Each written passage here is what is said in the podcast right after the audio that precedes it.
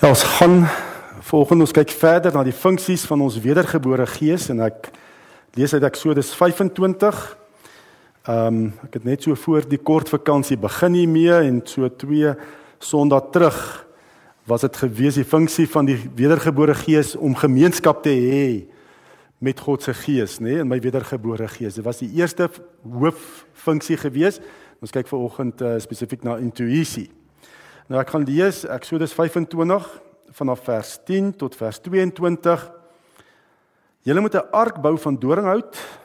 Julle moet 'n ark van doringhout maak, 1 en 'n kwart meter lank, 'n 3 kwart meter breed en net so hoog. Jy moet binne en buite met suiwer goud oortrek en 'n goue lys rondom vassit. Verder moet jy vier goue ringe giet wat aan die onderste vier hoeke vasgesit moet word sodat twee ringe aan elke kant is. Jy moet draaghoute van doringhout maak en dit met goud oortrek. Dan moet jy die draaghoute deur die ringe aan die weerskante van die ark steek om die ark daarmee te dra. Die draaghoute moet in die ringe van die ark bly en mag nooit uitgehaal word nie. In die ark moet jy die getuienis van die verbond sit wat ek jou sal gee. Dit is nou daai twee uh uh kliptafels, nê, nee, van die wet. Dan moet jy 'n deksel van suiwer goud maak, 1 en 'n kwart meter lank en 'n 3 kwart meter breed Maak twee gerubs van geslaag goud op die kante van die deksel, een links en een regs. Die gerubs aan weerskante van die deksel moet so gemaak word dat hulle eenheid met die deksel vorm. Hulle vlerke moet uitgesprei wees oor die deksel sodat hulle dit bedek. Die gerubs se gesigte moet na mekaar toe wees en hulle moet afkyk op die deksel. Jy moet die deksel bo op die ark sit en daar binne die getuienis wat ek jou sal gee. Daar, en dit is waarop ek fokus, spesifiek op hierdie vers vers 22 daar sal ek jou ontmoet. Ek sal met jou praat van die deksel af. Dis nie twee gerubs uit wat op die ark mee getuienis is. Al my beveel vir die Israeliete sal ek jou van daar af gee. Ja net om alles net weer in konteks te plaas ehm um, dat ons kyk na die wat is die mens se wedergebore gees? Wat is die mens se gees Want mense is nie so baie bekend dat ek 'n gees het nie. Ehm um, daar selfs teoloë wat sê dat 'n mens se siel en gees, weet mense bestaan net uit twee dele. En dis jou liggaamlik, dit wat jy kan voel en dan is daar 'n geestelike deel, jou siel of gees, is hulle maar dieselfde. Maar die Bybel maak baie onderskeid en sê die mens bestaan uit liggaam, siel en gees. Dat sê als in Hebreërs 4 sê die woord is kragtig en skerper as 'n tweesnydende swaard en maak skeiding tussen siel en gees van die mens. En ons moet daai onderskeid ook verstaan en ken. Want dit is in my wedergebore gees waar ek die Here se gees teenwoordig is. Ek gemeenskap met hom het. As jy nie 'n onderskeid maak nie, kan jy baie keer die die jou begeertes en dit wat jy dink, dink jy dit is van die gees af, nê? En dan gaan doen jy dit en dan werk dit nie uit nie, neem jy die Here kwaadlik. Hoekom werk dit nou nie? Ek het dan gedink dit is van die Here af. Want dan is dit al die tyd op 'n sielsdimensie wat jy dinge beredeneer het en jy is jou begeerte. Dis nie verkeerde goed nie. Maar die Here sien dit nou nie en dan neem jy hom kwaadlik. Ons moet weet wat is my wedergebore gees. En om dit sodat ek nie my gedagtes en my eie gevoelens wat in my sielsdimensie toeskryf aan die Here en sê dis die Here wat dit vir my gegee het nie. Nou um, om dit te verstaan, ek gaan vinnig saamvat nê, moet ons kyk dat Paulus sê ons is 'n tempel. 1 Korintiërs 3 vers 16, weet jy nie dat jy die tempel van God is en die Gees van God in jou woon nie? Soos 'n tempels van die Heilige Gees. En die kruis van Jesus was noodsaaklik om ons tempels te maak. God is volmaak heilig en hy kan nie sommer, hy moet die sonde straf. So God se gees kan nie net in 'n mens kom nie, want hy moet die sonde straf. Hy's volmaak heilig, nê? En daarom eers nadat Jesus aan die kruis gesterf het en gesê dis volbring, hy het volmaak betaal vir ons sondes, nê, kon God se gees in ons mense woon. Andersins was hy altyd in 'n gebou gewees, nê, wat gereinig is met klomp bloed en offers wat gebring moes word. Maar Jesus, die volmaakte lam is geslag, sy bloed het gevloei, nou kan God se gees in ons kom bly. En die wonderlike is toe Jesus opgestaan het uit die dood, hy het die sonde betaal daarvoor, hy het die bose oorwin nê. Daai Sondag aand, hy het die oggend opgestaan, hy Sondag aand verskyn hy aan sy disippels en hy sê vir hulle, ontvang die Heilige Gees en hy blaas oor hulle en hulle ontvang die Gees en hulle word tempels van die Gees. Nou, dit te verstaan, nê, ek is gereinig. God se gees is in my, ek is nooit meer alleen nie. Hierdie hierdie liggaam, nê, nee, jou liggaam is eintlik maar net die houer wat God se gees binne het. En om dit te verstaan, moet ons kyk na die tempel van die Ou Testament. God, die Ou Testament word vir ons prakties, al hy offers. Dit is hoekom die Ou Testament so belangrik is. God het vir ons in die praktyk kom wys in die Ou Testament diepere geestelike waarhede. So ons moet kyk na die tempel, soos wat Gerard gebid het, daai dit bly dieselfde, nee, God se patrone bly dieselfde. Dat ons vandag kan verstaan wat beteken dat die Heilige Gees is, moet ek kyk na die Ou Testament se tempel. En dit ons nou daarvan gelees en dan sien ons die Ou Testamentiese tempel bestaan uit drie dele: voorhof waar almal kon kom en waar almal die offers kon sien wat daar gebring word. Ons het ook liggame, nê, wat vir almal sigbaar is. Maar ons ook offers bring aan die Here. As jy die Here aanbid, nê, en jy bedoel dat jy uit in 'n waarheid en jy jy's opreg, nê, dan sien mense dit ook in jou liggaam as jy die Here aanbid, nê. Dis waar ons offers bring, hoe ek lewe, liefde, hoe ek dit uitdeel. Wonderlik ook gister met die potjie kos. Ehm um, daar is vir 'n ouete huis, ons daar daar's 'n ehm ehm Shaal het het gesponsor en daar's etes vir mense in 'n ouete huis vir elke persoon gekoop ook, né? Dit is omdat ons die Here dien dat ons dit doen. En en dit is aanbidding, ook om sulke sulke dade van liefde. En hy sê daar was genoeg en selfs vir die nagskof, nagstaf was daar ook genoeg etes gewees. Net dit is die uiterlike deel. Maar dan het die tempel ook uit die heilige deel bestaan, die Ou Testamentiese tempel nê. Nie, nie almal kon daar kom nie, net die priesters kon daar kom.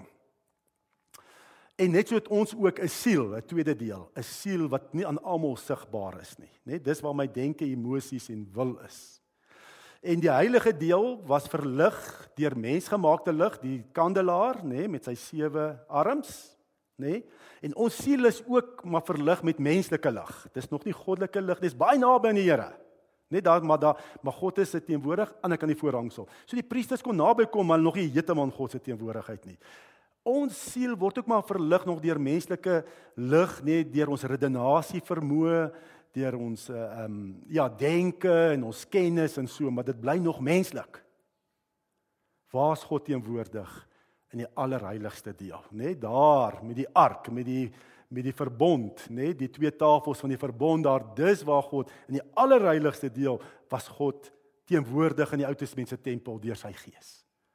Net so ons ook in ons wedergebore gees. Ons gees is die allerheiligste deel. Dis waar God teenwoordig is. Dis dieper as ons denke, ons begeertes, ons wil, ons redenasie vermoë. Dis waar God teenwoordig is.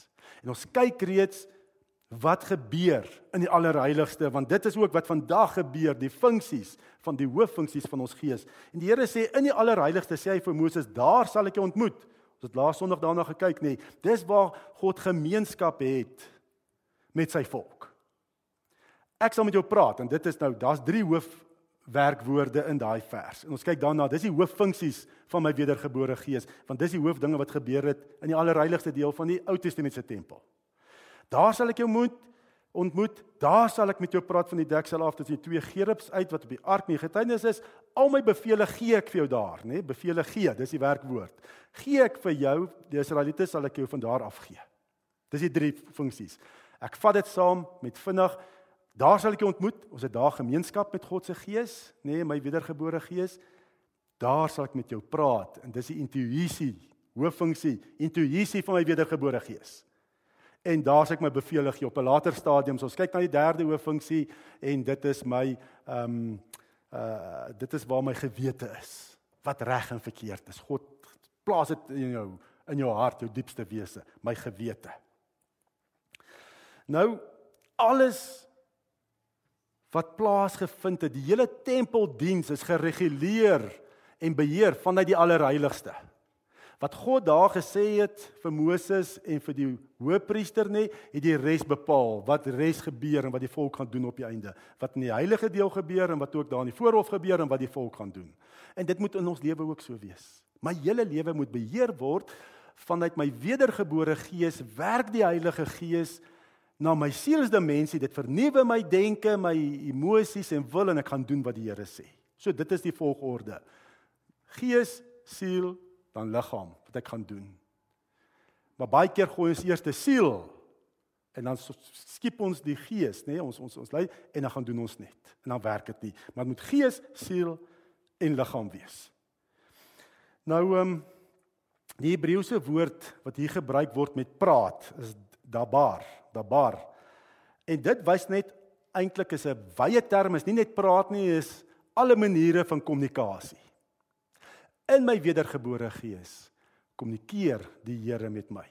En dit gaan nie hierdie kommunikasie is nie oor wat reg en verkeerd is nie, maar wat God se wil is vir jou lewe spesifiek.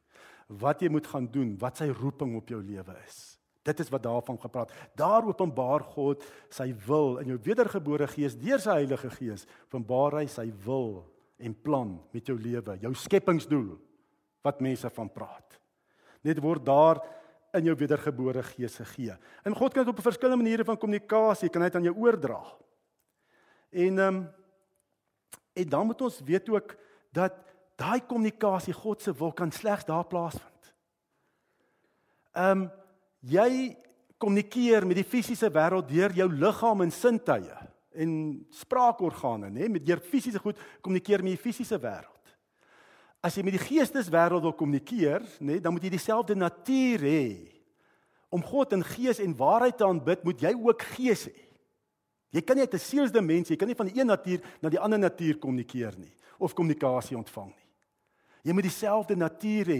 Dis hoekom God, toe hy Adam en Eva geskaap het in Genesis 2 vers 7, wat hy gedoen? Hy het sy lewensasem in sy neus geplaas in Adam en Eva, nê? Sodat ons dieselfde natuur van die Here het, sodat hy met ons kan kommunikeer. So God kommunikeer met jou gees en nie met jou siel hoofsaaklik nie. Dit kan net op daai. Dis hoekom mense God se gees het en God kan net met ons kommunikeer in 'n verhouding en nie met diere nie. Ons weet diere het ook 'n siel, nê? Jy kry mos hierdie hond het hierdie persoonlikheid en daai hond daai persoon. My honde, ek kan sien as twee verskillende, net dit is my siel eintlik basies. Maar wat maak ons verskil? Ons te gees, ons het God se lewensasem in ons dat ons met God kan kommunikeer. Met hom gemeenskap kan hê, sy wil kan ken. Dis in my gees. Dis hoekom God sy lewensasem in ons neuse geblaas het. En daai kommunikasie openbaar wat God in my wedergebore gees doen. Hy doen dit intuïtief. Nou ek moes bietjie gaan gaan bietjie gaan nalees en wat is dit intuïsie, intuïtief? Dis nie dit is iets ehm um, ek sê dit gaan nie hier oor reg en verkeerd nie, wat God se wil vir jou lewe is nie. Dis waaroor dit gaan. Ehm um, die reg en verkeerd is meer ons gaan later daarby kom met my gewete. Intuïtief, die HAT sê intuïsie definisie. Dis onmiddellike kennis van iets sonder dat die sintuie of rede 'n rol in die verkryging daarvan gespeel het. So dis onmiddellike kennis of wete. En dis nie beredenering daarvan nie en ek verstaan dit nie, dit word net gegee. Die Heilige Gees openbaar intuïtief in my wedergebore gees wie God is en wat sy plan met my lewe is, wat ek hier moet gaan doen. Wat sy wil is. Intuïtief met my intuïsie. Ehm um, ek het al op 'n vorige so 2 weke terug het ons daarby stil gestaan. Ek kyk net vinnig weer daar. 1 Korintiërs 2 vers 9. Onthou as in die Bybel as jy lees van hart, die mens se hart. Dit word baie keer as 'n wisselterm gebruik vir jou siel. Dit kan verwys na jou siel, maar ook of dit kan verwys na jou wedergebore gees. Jy moet gaan kyk in die konteks waarna verwys dit. Na jou siel of na jou gees. Maar 1 Korintiërs 2 vers 9 sê Paulus wat die oog nie gesien en die oor nie gehoor het nie, nê? Dit my liggaam, nê, kan ek nie, nê, dis nie liggaam nie. En wat in die hart van 'n mens nie opgekom het, dit wat ek beredeneer, my denke, my sielse mense, dit het God gereed gemaak vir die wat hom liefhet. Net verwys hierso na diepere kennis, die breër konteks van daai gedeelte wys na diepere kennis van God en sy geheimenisse. En daai diepere kennis van wie God is en sy geheimenisse kan ek nie deur wat ek sien en hoor kry nie nê nee, wat 'n oor oog gesien en oor gehoor het nie. Ek kan dit ook nie deur beredenering kry nie, nê. Nee, wat in die hart van 'n mens opgekom hoe hy beredeneer. Nee. God doen dit deur sy gees. Gaan lees hy gedeelte verder. Dis net deur die Heilige Gees wat hy dit aan jou openbaar, diepere kennis van God en sy wil vir jou lewe. Kan nie uit hierdie ander nature kom nie. Um, en dit is waarom jy dan ook net die kritiese teoloë wat jy kry. Jy kry mense, hulle bestudeer die Bybel, Hulle ken alles van die Bybel nie, maar hulle trek die Bybel uit mekaar uit en hulle erken nie die gesag van die Bybel nie. Hulle ken dit nê uit 'n sielsdimensie. Ken hulle die Bybel baie meer as baie van ons. Maar wat is hulle? Het hulle geloof? Niks. Hulle sê nee wat. Dis 'n boek van 2000 jaar terug en verder. Want hoekom? Daai waarheid, die krag van die woord, daai dinge is in jou gees. Openbaar die Heilige Gees dit aan jou sodat jy dan op die einde die denke, nê, nee, dit is 1 Korintiërs 2 vers 16, denke van Jesus kan hê. In jou wedergebore gees openbaar die Heilige Gees God se waarheid vir jou. En dit intuïtief, weet jy wat dit is? En dit het 'n invloed dan op jou siel, dit wat ek dink, wat ek voel en wat ek gaan doen op die einde. So werk dit. Ehm um, ek het net nou gelees ook 1 Johannes 2 vers 20 en 27. Julle is egter deur die Heilige Gees gesalf en julle ken almal die waarheid. Ken, weet, né? Jy ken dit, weet. Dit is intuïtief ken jy dit omdat jy Heilige Gees het. Nee, jy het tot verstaan van die waarheid gekom nie. Jy ken dit, jy weet dit, God het in jou geopenbaar. In jou wedergebore gees, intuïtief. Wat julle egter betref, die gees waarmee hy julle gesalf het, bly in julle en julle het niemand anders nodig om julle te leer nie. Sy gees leer julle alles. En wat hy julle leer, is die waarheid en geen leuen nie. Ja, soos hy julle geleer het, moet julle in die seën bly.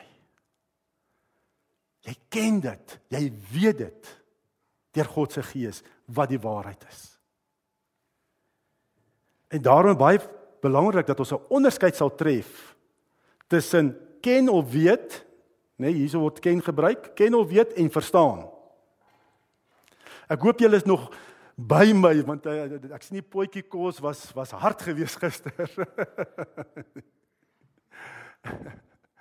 Ehm um, ken of weet nê? Nee? Ons moet onderskei ken of weet. Kom ons praat van weet of ken, soos wat wat uh, Johannes hier sê. Onderskei tussen ken en verstaan. In die gees, in my wedergebore gees, ken ek God se waarheid. In my sielsdimensie met my denke verstaan ek die waarheid. Verstaan jy? Ek beredeneer dit, ek verstaan dit. Um gelowiges weet dinge van God deur intuïsie van sy gees. Deur die intuïsie van my gees weet ek dinge van God wat hy aan my geopenbaar het deur sy Heilige Gees in my verstaan my sielsdimensie verstaan ek op die einde die waarheid en beredeneer ek en sien dit in die woord ook en ek verstaan die waarheid. So die Heilige Gees stel ons die Heilige Gees stel ons gees in staat om God se wil vir my lewe te ken of te weet. En ons gees onderrig dan jou denke, nê? Nee? Jou gees onderrig dan jou denke om God se leiding te verstaan in jou lewe. Verstaan waar begin dit? In my wedergebore gees deur die intuïsie werk die Heilige Gees en ek ken God se wil en waarheid vir my lewe. Ek weet dit. Ek hoef dit nie gaan beredeneer nie. Ek weet net dit is dit. En dan my wedergebore gees onderrig dan my siel, my denke dat ek dit kan verstaan en dan gaan doen ook. Want ek sien dit is ook volgens die Bybel. Onthou die Heilige Gees sal nooit iets lei wat teen God se woord is nie. Ek sal dit ook verstaan en ken en gaan doen ook. Sê ja. Dis die waarheid. Maar ek moet vir jou sê in geestelike sake, nê, nee, kan jy goeters weet sonder dat jy dit verstaan. Jy weet net dis God se wil sonder dat jy dit verstaan. Hoekom is dit so? In geestelike sake. Kom ons vat net so 'n bietjie voorbeeld. Jy kan byvoorbeeld alles dui daarop, nê. Nee, alles is positief. Jy moet dit gaan doen of jy moet hierdie ander werk vat. Of jy moet ehm um, verhuis of wat ook al alles wys dis die regte ding, maar net in jou gees, jy weet want jy weet, nee, bly waar jy is. Moet dit nie doen nie. Dis nie verkeerd om te gaan nie. Alles is positief. Sê gaan in daai rigting. Dis nie verkeerd as jy dit gaan doen nie. Maar in jou wedergebore gees weet jy ek moet net hier bly ek moenie skuif nie of ek moet skuif terwyl alles wys bly net hier. Dis hoe baie mense keer na die tyd dan kom jy sê o nou verstaan ek hoekom is dit so. Het julle dit al gehoor mense sê dit O, nou verstaan ek hoekom. Naait kom jy agter dis die regte besluit gewees om hier te bly. Al was dit teen alles wat gewys het skuif of wat ook al. Nou verstaan ek hoekom die Here my hier geplaas het. Nou verstaan ek wat die Here met my wil doen. Maar ek het geweet, ek weet maar net, ek het net nie vrede om te gaan waarna waarheen alles wys nie. Nou verstaan ek eers. So ek kan dinge weet, geestelike dinge weet sonder om dit dadelik te verstaan. En ehm um, ja. En die Heilige Gees hy hy wek ons gees deur ons intuïsie op om tot aksie oor te gaan, né? Nee, die Heilige Gees bring my wedergebore gees deur my intuïsie, die funksie van intuïsie wek hy op en hy laat my tot aksie oorgaan dat ek iets gaan doen wat God se wil is dat ek gaan doen wat die Here wys. En eh, daar's drie maniere wat ek vinnig wil wys. Drie maniere waardeur die Heilige Gees my gees kan opwek om tot aksie oor te gaan en God se wil te gaan doen in my lewe. Daar's drie maniere. Dit kan wees en ek sal kyk na praktiese voorbeelde ook uit die Bybel hoe die um Heilige Gees deur my gees intuïsie my gees opwek om tot aksie oor te gaan sodat ek dan my my denke oortuig van wat is die ware en dat ek ook gaan doen, nê? Um Dit kan wees deur direkte inspraak van die Heilige Gees. Die, die net bonatuurlik weet jy net dis God se wil gaan. Ek het al gehoor, ja, tannie Isabel het aandag vertel, nê, net amper net kort na tannie die oorwinnaars genoem. Gewys gaan ry hier uit ver tannie en oom John. En toe daar iemand ontmoet en vir wie jy met die evangelie moes deel. As ek dit nou reg onthou, nê? Ja, en tannie Isabel sê ja. Dit is net direkte inspraak van die Heilige Gees wat sê gaan soontoe. Ehm um, So dit kan direkte inspraak wees. Die Heilige Gees kan ook God se woord gebruik, nê. Nee, skrywe woord gebruik uh, wat dit lewendig maak in, in my hart. Ek lees die Bybel en ek besef hierdie belofte is myne. Dis 'n spesifieke belofte wat die Here vir my gee. Hierdie vers staan net uit. Dit spring so. Hy maak die woord net lewendig die Heilige Gees en sê ek weet ook hy dit dit is God se belofte aan my. Dis wat ek moet doen. Jy weet dit net. Daai vers spring net bo al die ander verse uit of daai gedeelte spring net bo natuurlik uit. Want God kommunikeer sy wil en plan met ons lewens. 'n Derde manier, so ek kan die geskrewe woord ook gebruik. Onthou alles sal nooit teen God se woord wees nie. Dit is wat jy maar toets, nê, of dit van die Here af is of nie. Derde is 'n medegelowige praat met jou. En die Here gebruik daai persoon om jou praat om jou tot aksie te sit en sê, "Wow, ek moet dit gaan doen. Ek kan hier 'n verskil maak." Die Here het my dit gryp jou net aan die hand. Dit dryf jou gees want jy hoor iets deur 'n medegelowige wat vir jou iets vertel. Jy gaan doen dit net. Dis onder die salwing van die Heilige Gees. Ehm um, ja, so word jy dan 'n medewerker in God se koninkryk en om 'n medewerker van God te wees in sy koninkryk is die beste lewe wat daar is. Dis 'n lewe van oorvloed. Jy saam met die Here gaan werk. Dit bring 'n verantwoordelikheid maar bring ook seëning, dit bring sin en betekenis in jou lewe. Absoluut sin en betekenis in jou lewe. Kom ons kyk na 'n paar voorbeelde in die Bybel hoe die Heilige Gees maniere gebruik het om iemand se wedergebore gees te dryf, op te wek om te gaan en te gaan doen. Ons lees Toe Saul hy's net gesalf as koning, nê? Nee? En Israel het nog nie 'n koning gehad nie. Die Here was hulle koning en toe vra hulle soek 'n koning. Toe salf uh, Samuel vir Saul koning en toe was daar deegniete. Hulle was sê, "Maar wie Saul man? Ek moet vir hom luister. Wie is hy om ons koning te wees?" Maar hoor net wat staan daar. 1 Samuel 10 vers 26. Ook Saul het na sy huis toe gegaan en Gebea, die dapper is, wie se hart deur God geroer is, het saam met hom gegaan. Dat net iets in hulle gebeur Nik sê hoekom wil ek nou skielik myself onderwerp aan 'n koning? Maar dis geroer in hulle harte om te gaan saam met Saul. Maar daar was daai deegniete ook. Dit sê wie Saul en sy pa kus en hulle familie het ons hulle moet volg. En dan Saul is huis toe en dan in die hoofstuk 11 staan daar dat ehm um, die Ammoniete het gekom en hulle die stad Jabes beleer en hulle wou die regter oog van elke man in daai stad Jabes uitsteek tot 'n skande van die hele Israel. En toe kom toe kom ou uh, Saul terug van die landerye af en toe hoor hy hoe die volk ween en kyk wat gebeur met hom. En hy hoor wat sê hulle wat wat die Ammoniete doen en en die gees van God het oor Saul vaardig geword. Terwyl hy die woorde hoor en hy het baie kwaad geword. En hy het 'n paar beeste geneem, hulle stukkend gesny met boodskappers deur die hele gebied van Israel gestuur om te sê: "Wie nie agter Saul en agter Samuel uittrek nie, so sal die beeste gedoen word. Toeval die skrik van die Here op die volk en die, en hulle trek soos een man uit." Nee, die Gees word vaardig oor 'n persoon. Jy kom met agter hierdie persoon, dis nie hy nie, dis van die Here af. Sy optrede. Hoe hy geaktiveer word, hoe sy gees in beweging kom. Ehm um, dan nog 'n voorbeeld Nehemia. Kom ons kyk bietjie na Nehemia. Nehemia hoe hy geaktiveer is deur die woorde van sy broer. Sy broer, hulle is in Israel is in ballingskap en hy's die skinker van die koning wat hulle in ballingskap wat oor hulle heers en sy broer Hanani het Jerusalem toe gegaan, daar besoek afgelê en hy kom terug en hy vertel vir Nehemia hoe gaan dit in Jerusalem, nê? Nee? Sy broer vertel dit vir hom en hoor wat sê Nehemia. By die aanhoor van die woorde het hy gehoor dat die die die die die die stad se mure is plat en dit gaan sleg daar en dit is pynhope uh Jerusalem. By die aanhoor van die woorde het ek gaan sit en gehuil en daar lank getreur. Ek het gevas en tot God van die hemel gebid. Hoekom het hom geraak? Ek dink om die skinker van 'n koning te wees in daai tyd was 'n baie goeie posisie gewees, nê? Nee? Jy jy daar die paleis uit, jy het sekuriteit, jy het veiligheid, sekuriteit, jy het voorsiening, daar's genoeg finansiële middele, is baie lekker. Hoekom hoekom nou Jerusalem toe gaan?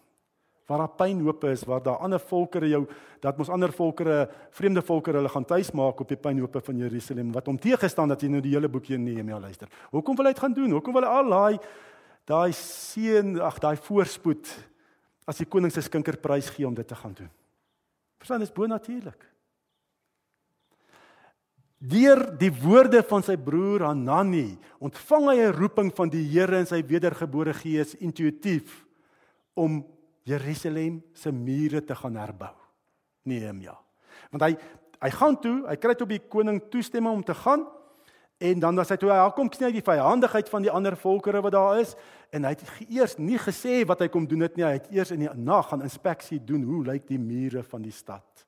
En dan staan daar in Nehemia 2 vers 12 ek het vir niemand gesê wat God my in die hart gegee het nê sy wedergebore gees om vir Jerusalem te doen nie. En dis nie net in die Ou Testament, in die Nuwe Testament, lees mens dieselfde dinge. Petrus en Johannes By die tempel maak hulle verlamde man, genees hulle hom en die Joodse raad is lekker ongekraap daaroor wie is hulle, wat doen hulle, want almal luister skielik wat hulle sê van Jesus en die dinge. En dan eh, word eh, Petrus en Johannes voor die Joodse raad ge, geroep, nê? Nee, dis die teoloë van daai tyd, die geleerde mense van daai tyd nie. Wie is Petrus? Hy was maar 'n visserman gewees. En dan staan daar Vra die die Joodse raad vir hulle: "Deur watter krag en wie se naam het julle dit gedoen?" Toe het Petrus vol van die Heilige Gees vir hulle gesê: "Raadslede van die volk en familiehoofde, julle verhoor ons vandag oor 'n weldaad en 'n siek man en oor hoe hy gesond gemaak is." Die Joodse raad was verbaas toe hulle Petrus en Johannes se vrymoedigheid sien, want die raad het geweet dis my ongeleerde en eenvoudige mense. Soos die Here jou hart aan die brand steek, nê? Nee, en hy vuur jou aan en hy wek jou gees op nê.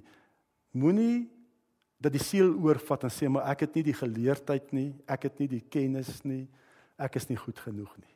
Moenie. Kyk wat gebeur hierso. Dis deur die gees wat hulle opgetree het. En en hulle word so geaktiveer, niemand kan dit stop nie. Want dan sê die dan sê die Joodse raad vir hulle, "Alright, ek sal julle laat gaan, maar julle mag nie meer preek in Jesus se naam nie." En dan sê hulle, "Kan nie anders nie." Julle moet maar self besluit wat voor God reg is. Om aan julle gehoorsaam te wees of van God. Wat ons betref is onmoontlik om nie te praat oor wat ons gesien en gehoor het nie. Ek moet God se roeping op my lewe uitvoer. Ek kan dit nie anders doen nie. Kan nie vir jou luister nie. Ek moet dit gaan doen. En ehm um, ag so deur die hele kerk geskiedenis was dit ook so. Manne wat opgestaan, vroue wat opgestaan het. Aangevuur deur die Heilige Gees om die roeping God se roeping op hulle lewe uit te uit te leef. Uh Martin Luther, daar's op 'n stadium vir hom gesê, um Martin Luther, die hele wêreld is teen jou oor jou geloofsprediking. Jy sê genade alleen, geloof. Die hele wêreld is teen jou. Toe sê Martin Luther, dan is ek teen die wêreld. God help my, ek kan nie anders nie. Nee, en dis wat ons nou voer. 4. So dit maak jy nie gewild nie om God se roeping te gaan uitleef. Nie almal sê o, wonderlik, jy's so nee. Die hele wêreld kan dit nou wees, maar jy sê net God help my, ek kan nie anders nie. Ek wil afsluit met 'n net 'n getuienis sommer hier uit ons midde uit. 2 Petrus 1 vers 21 staan want geen profesie is ooit deur die wil van 'n mens voortgebring nie, maar deur die Heilige Gees gedrywe. Het die heilige mense van God gespreek. So 'n profesie, 'n ware profesie nê, is 'n gawe van die Gees. En ehm um, dit is deur die dit is deur die Heilige Gees gedrywe. Nou ek ja, ons tyd is bietjie min. Ek wou vir Matt gevra het, net net 'n en dit gaan nie oor Matt nie. Maar die getuienis ook gelewer so ruk terug. Ehm um, voordat ons toe ons nou weer ryds toe is vir oorwinnaars. Voor die tyd dan kry ons die name en dan bid die fasiliteerders daaroor vir 'n profetiese woord vir elke kursusganger.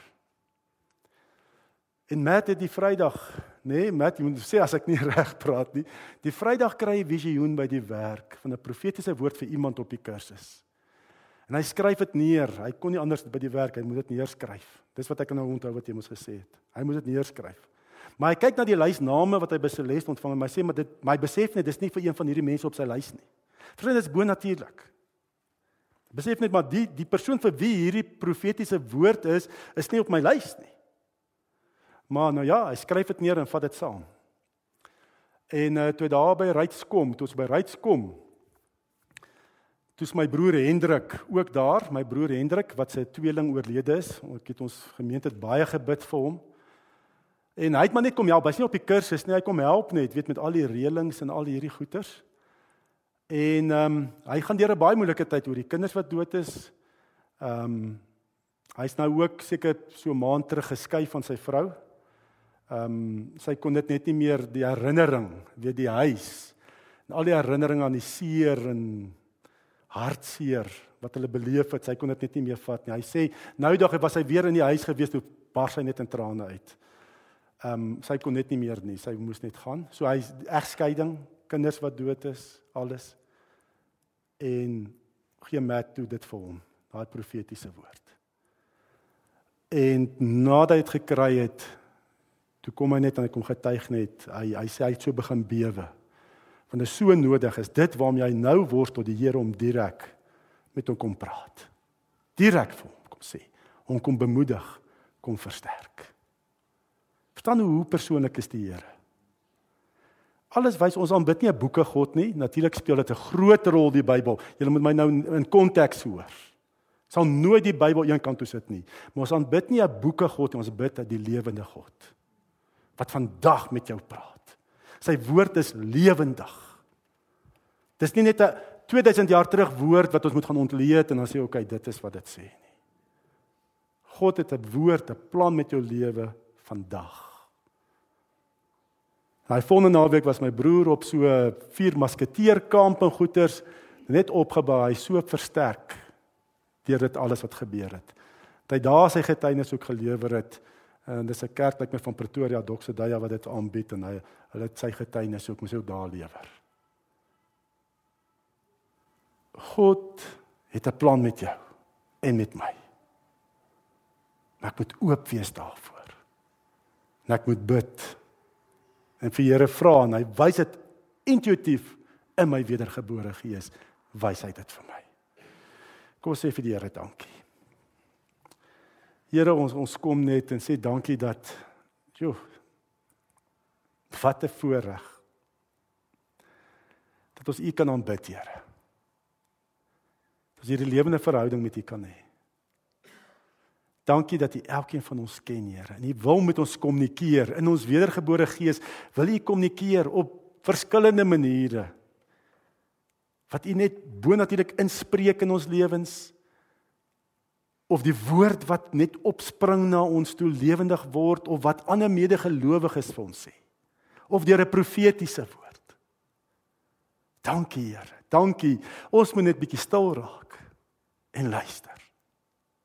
En ek bid ook Here dat ons 'n gemeente is, sal wees ook en ons is ook dit gebeur al reeds, met meer sal word wat sal uitgaan. En dat die Gees vaardig oor ons ons sal uitstuur om ons skepingsdoel te gaan uitleef. Lei ons Here dat ons U sal eer dan so ook in alles wat ons sê en doen. In Jesus se kosbare naam. Amen.